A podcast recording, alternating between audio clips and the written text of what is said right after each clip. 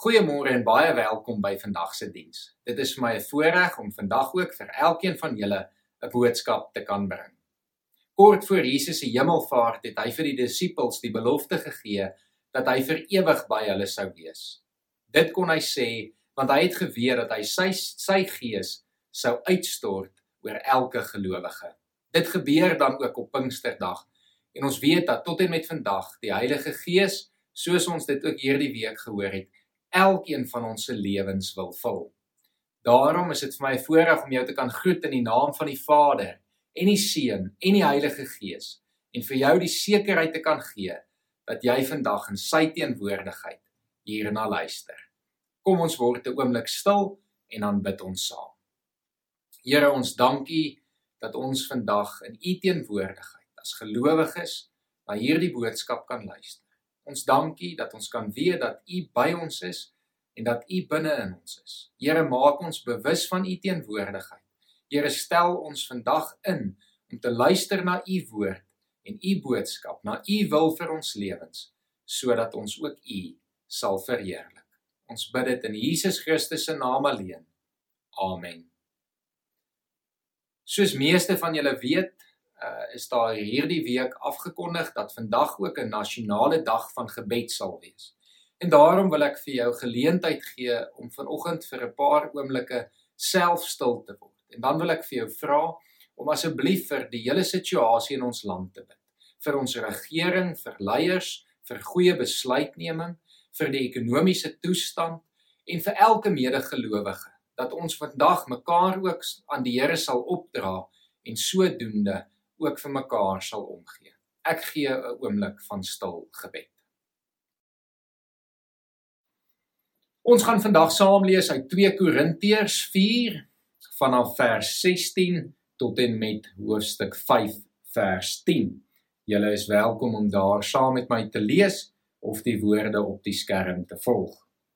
Om hierdie rede word ons nie moedeloos nie. Al is ons uiterlik besig om te vergaan, innerlik word ons van dag tot dag vernuwe.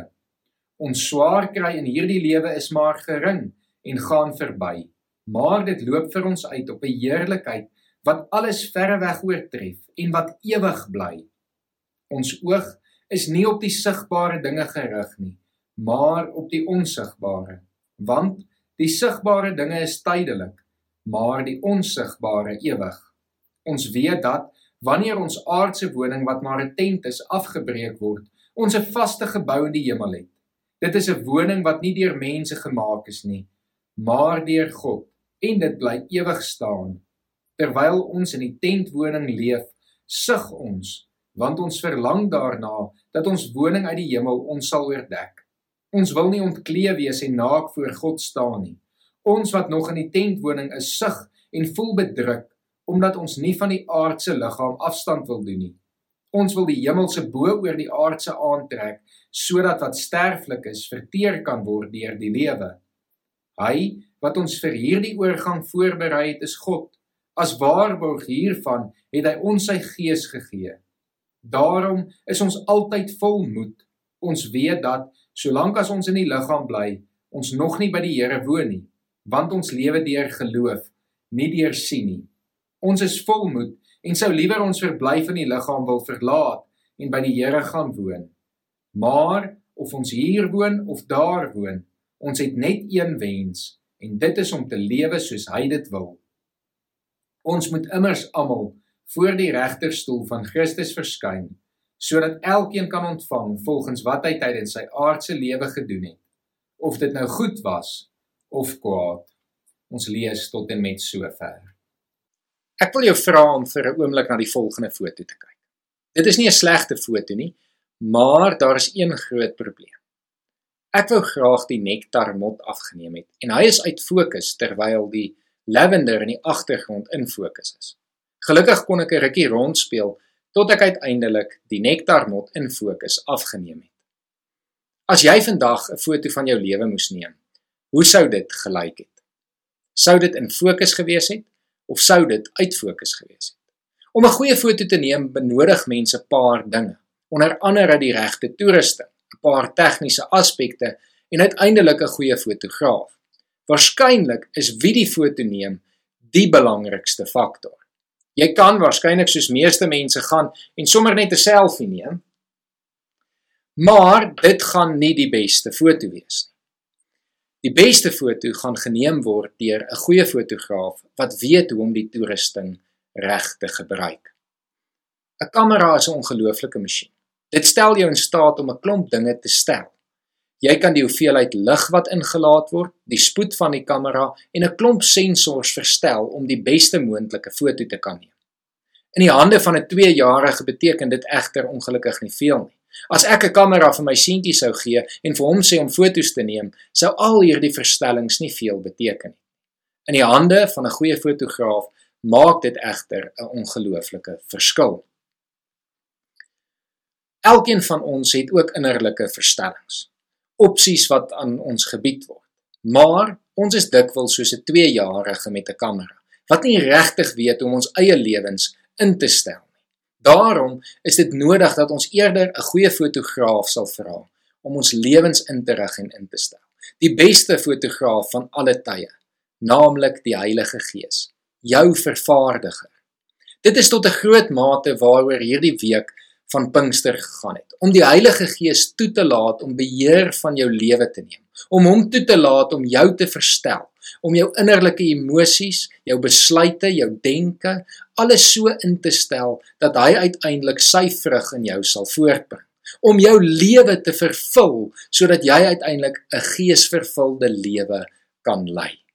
Die Heilige Gees is soos 'n goeie fotograaf ook die enigste een wat werklik weet hoe en waar hy jou moet posisioneer. Waar jy moet staan, waar jy moet sit, wat jy moet doen, waarmee jy besig moet wees en hoe jy moet lyk. En dit geld vir ons lewens. Uiteindelik is die Heilige Gees die enigste een wat vir ons kan wys hoe ons ons lewens regtig moet invul. Hy weet die beste hoe om ons in te stel sodat ons lewensfoto uiteindelik die beste sal vertoon. Hy weet waar en hoe hy ons moet posisioneer in ons lewens. En daarom is dit so belangrik dat ek en jy die Heilige Gees beheer oor ons lewens sal gee. Dat ons die Heilige Gees sal toelaat om ons innerlike werking te verstel en ons uiterlik reg te posisioneer. Hy is uiteindelik die een wat weet van watter hoek af hy ons moet afneem en hoe ons moet lyk en waarmee ons besig moet wees. Volgende die gedeelte van die toerusting wat so belangrik is, is die regte lens. Verskillende lense word gebruik om verskillende dinge af te neem. Sekere lense stel ons in staat uiteindelik om iets naby af te neem en ander lense stel ons in staat om iets ver af te neem. Sekere lense word gebruik om portrette af te neem en ander weer landskappe. En daarom is dit so belangrik dat ek en jy ook die regte lens sal aan, sal sal gebruik wanneer ons ons lewensfoto neem. Die regte lens om te gebruik maak Paulus vir ons baie duidelik hier in 2 Korintiërs. Hy sê vir ons daar is basies twee opsies vir elke mens. Die eerste opsie is 'n tydelike lens. 'n lens wat vir ons in staat stel om die sigbare raak te sien en te kan afneem. Hierdie lens is eintlik egter baie beperk. Die tweede lens is 'n ewigheidslens, 'n lens wat ons in staat stel om uiteindelik die onsigbare te kan sien en om ewigheidsperspektief te kan hê. Wanneer ons die Heilige Gees toelaat om ons tydelike lens te vervang met 'n ewigheidslens, gebeur daar iets ongelooflik in ons lewens. Wanneer ons die tydelike lens op het, dan is ons nog besig met 'n tydelike woning. Is ons besig om soos Paulus dit te beskryf om eintlik ons tentwoning te probeer 'n permanente een te maak. Ons is besig om so op die huidige te fokus op die hier en nou dat ons nie eintlik enigiets anders raak sien Ons is besig om ons eie koninkryk te bou. Ons is besig om um, dit waarvan ons hou lekker en gemaklik te maak, om ons lewens so in te rig dat ons eintlik tot 'n groot mate vir ewig daar binne sou wou leef. Ons doen dieselfde met ons probleme. Wanneer ons 'n tydelike lens op het, dan is ons besig om ons lewensprobleme te vergroot. Die swaar kry wat ons beleef word vir ons onuithoudbaar. Dit is vir ons moeilik om dag tot dag voort te bestaan. Want al ons bekommernisse en probleme is enorm groot wanneer ons 'n tydelike lens en 'n tydelike perspektief op het. Wanneer hierdie lens in ons lewens teenwoordig is, dan kyk ons na 'n siekte en dit word vir ons 'n ongelooflike probleem. Maar dan gebeur die ongelooflike. Wanneer ons toelaat dat die Heilige Gees vir ons 'n ewigheidslens opsit en ons deur 'n ewigheidslens begin kyk, dan verander ons perspektief van tydelike na ewige en ons kry 'n ewigheidsperspektief. En die grootste effek wat hierdie in ons lewens het, is dat dit wat groot was skielik baie kleiner raak. Ons koninkryk wat ons gedink het ons bou, ons rykdom, ons roem, ons gemak, skielik raak dit broos en onbelangrik. Skielik is dit nie so goed soos wat ons gedink het nie. Het dit nie so groot effek in ons lewens soos wat ons gedink het of veronderstel het nie. En dieselfde gebeur met ons probleme, met ons swaarkry. Die oomblik wanneer ons daarna kyk na ewigheid deur 'n ewigheidslens, word dit skielik kleiner. Skielik is 'n siekte wat 'n hele wêreld ontwrig nie meer so groot probleem soos wat dit was toe ons 'n tydelike lens opgehad. 'n Tydelike lens met 'n beperkte sig in die sigbare maak dat ons dink dit is 'n enorme probleem. Maar in die ewigheidsperspektief word 1 jaar se ontwrigting baie klein. Word 1 jaar se moeilik wees en aanpassings baie minder van 'n probleem. 'n Ewigheidsperspektief help ons om 'n groter prentjie te sien. Dit help ons om uiteindelik te verstaan dat ek en jy 'n baie groter leeftyd het as wat ons het wanneer ons 'n tydelike lens op het. 'n Ewigheidsperspektief help ons om te besef dat daar hoop is. Dit help ons om te besef dat die hier en nou tydelik is, gering is en verby gaan gaan. En dit geld vir dit wat vir ons goed is, ons voorspoed en dit geld vir ons probleme en ons swaarkry. Ek het hierdie teks gelees en gewonder hoe kry Paulus dit reg om uiteindelik te kan sê, maar ek is volmoed. Ek is raak nie moedeloos nie. Ten spyte van die swaarkry wat ons weet hy beleef het, ten spyte van die onderdrukking, ten spyte van die feit dat hy in die tronk was, honger was, gestraf was ensovoorts kan Paulus sê ek is volmoed en hy kan dit sê want hy het 'n ewigheidslens op hy kyk deur 'n ewigheidslens en sien dan dat hierdie probleme en die swaarkry tydelik is gering is en verby sal gaan een van die beste dinge wat ek en jy vir mekaar kan sê is dat hierdie gaan verbygaan en dit geld vir ons voorspoed en ons teëspoed dit is maar gering Op die ou einde is ons lewens maar klein. Die tydelike lewe wat ons nou beleef is klein. Ek wil nie vanoggend vir enige iemand aanstoot gee nie. Ek wil nie vir iemand wat besig is om sukses in hierdie lewe te behaal en 'n klomp dinge te doen afkraak nie. Inteendeel. Net so wil ek ook glad nie enige iemand se probleem minder maak as wat dit is nie. Ek wil nie vir iemand sê jou probleem en jou seer en jou swaar kry is nie belangrik maar ek wil vir beide kante vanoggend perspektief gee. Die ewigheidsperspektief wat ons raak sien wanneer ons deur 'n ewigheidslens begin kyk. Wanneer ons dit reg kry om te besef, maar daar's nog soveel meer wat kom. 'n Ewigheidslens wat ons in staat stel om die groter prentjie te kan raak sien. Uiteindelik moet die ewigheidslens ons help om 'n ewigheidsperspektief te hê wat vir ons dit moontlik maak om uiteindelik met hoop te begin leef. Want ons weet dat die tydelike maar gering is en verbygaan gaan. En dit geld vir ons voorspoed en ons teëspoed. Dit wat ons van hou en dit wat ons mee laat swaar kry. Uiteindelik help die ewigheidsperspektief ons om te weet daar is 'n ewige lewe wat op elkeen van ons as gelowiges wag. Laastens help die ewigheidslens ons om die regte fokuspunt te kry. 'n fokuspunt is ongelooflik belangrik wanneer 'n foto geneem word en veral as jy 'n goeie foto wil neem. 'n Tydelike lens het ons net in staat gestel om die tydelike en die sigbare te kon raak sien. Maar skryf Paulus vir ons, ons moet uiteindelik ons fokuspunt die onsigbare maak. Ons oog moet gerig wees op die onsigbare. Ek en jy kan dit net doen wanneer ons 'n ewigheidslens het met ewigheidsperspektief uiteindelik die onsigbare ons fokuspunt maak. En die onsigbare is niks anders nie as God self. Hebreërs 12 skryf vir ons dat wanneer ons oog gerig is op Jesus, ons nie moedeloos sal word en sal uitsak nie, maar dat ons hierdie stryd met volharding sal kan deurvoer. Uiteindelik moet ons fokuspunt Jesus self wees, want uiteindelik wil ons vir hom leef en vir hom uiteindelik die eer gee.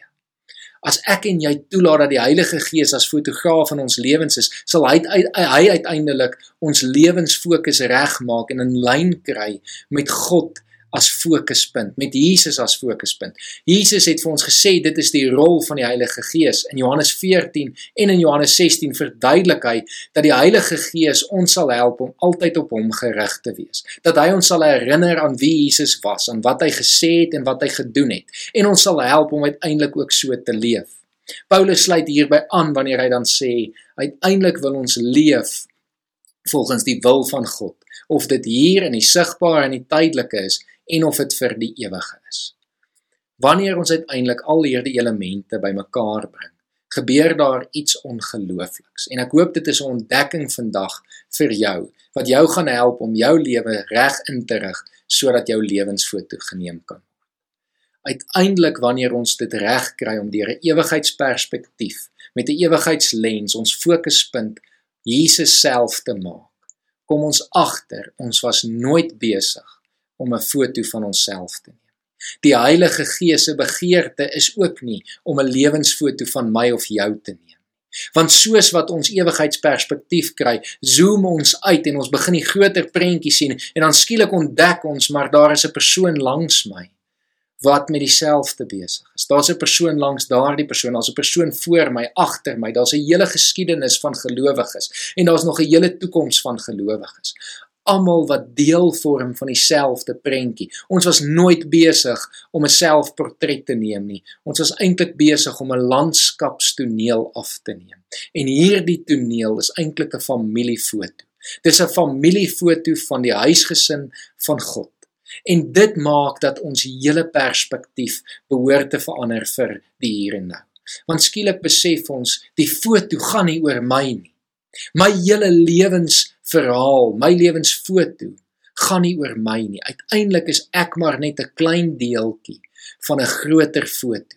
Ek is maar net een van die persone wat my gedeelte van my foto probeer regkry sodat God uiteindelik verheerlik kan word wanneer die lewensfoto van sy huisgesin geneem word. En dan behoort daar nog 'n ding te gebeur.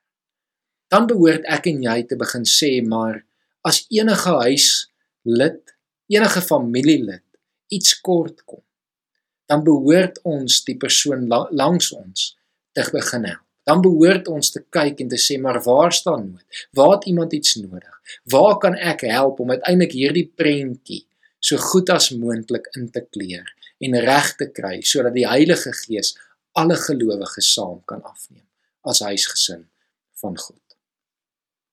Ek hoop dat hierdie vir jou nuwe perspektief sal bring. Ek hoop dit sal jou help om uiteindelik die Heilige Gees toe te laat om jou te vul soos wat hy die disippels lank terug met Pinksterdag vervul het. Ek hoop dit kan jou help om uiteindelik so te begin leef dat jy nie meer vir jouself leef nie, dat jy nie meer gefokus op die hier en nou leef nie, maar dat jy met ewigheidsperspektief kan uitsien na 'n ewige lewe saam met die Here dat jy sal weet dat jou oog gerig op hom moet wees en dan sal jy nie moedeloos word en uitsak. Kom ons bid saam. Here ons dankie vir al u liefde. Here ons dankie dat ons kan weet dat u hier by ons is, dat u binne in ons is, Here. Maar dat ons vanoggend aan u beheer moet oorgee. Here uiteindelik wil ons graag hê dat ons lewensprentjie sal inpas in u prent dat ons deel sal wees van u huisgesin. Dat ons uiteindelik sal lewe vir u binne in u wil en dat ons u sal verheerlik deur alles wat ons doen. Ons bid dit in Jesus Christus se naam alleen. Amen. 'n Enkele paar afkondigings. Onthou dat ons kategese voortgaan op ons webblad. Jy kan gerus daarna gaan kyk. Ons bid vandag vir persone wat dit nodig het. Die name verskyn daar en ons vra asseblief voorbidding vir elkeen. Ons bid ook nog steeds vir die gevolge van COVID-19 en vra asseblief dat elkeen van julle deur die dag daarvoor sal bid. Baie geluk met die volgende persone wat verjaar. Ons hoop dit gaan vir julle 'n lekker dag en 'n geseënde jaar wees wat voorlê. Onthou ook dat jy gerus jou dankoffer kan gee deur elektroniese inbetaling te maak. 'n Belangrike afkondiging vir vandag is dat ons as kerkraad besluit het om nie nou met eredienste te begin nie, maar weer die situasie aan die einde van Junie te herassesseer en dan moontlike opsies te oorweeg. Tot en met dan sal ons voortgaan met elektroniese boodskappe wat versprei word op ons webblad en WhatsApp. Baie dankie. Mag elkeen van julle 'n mooi en geseënde dag hê. Totsiens. thank you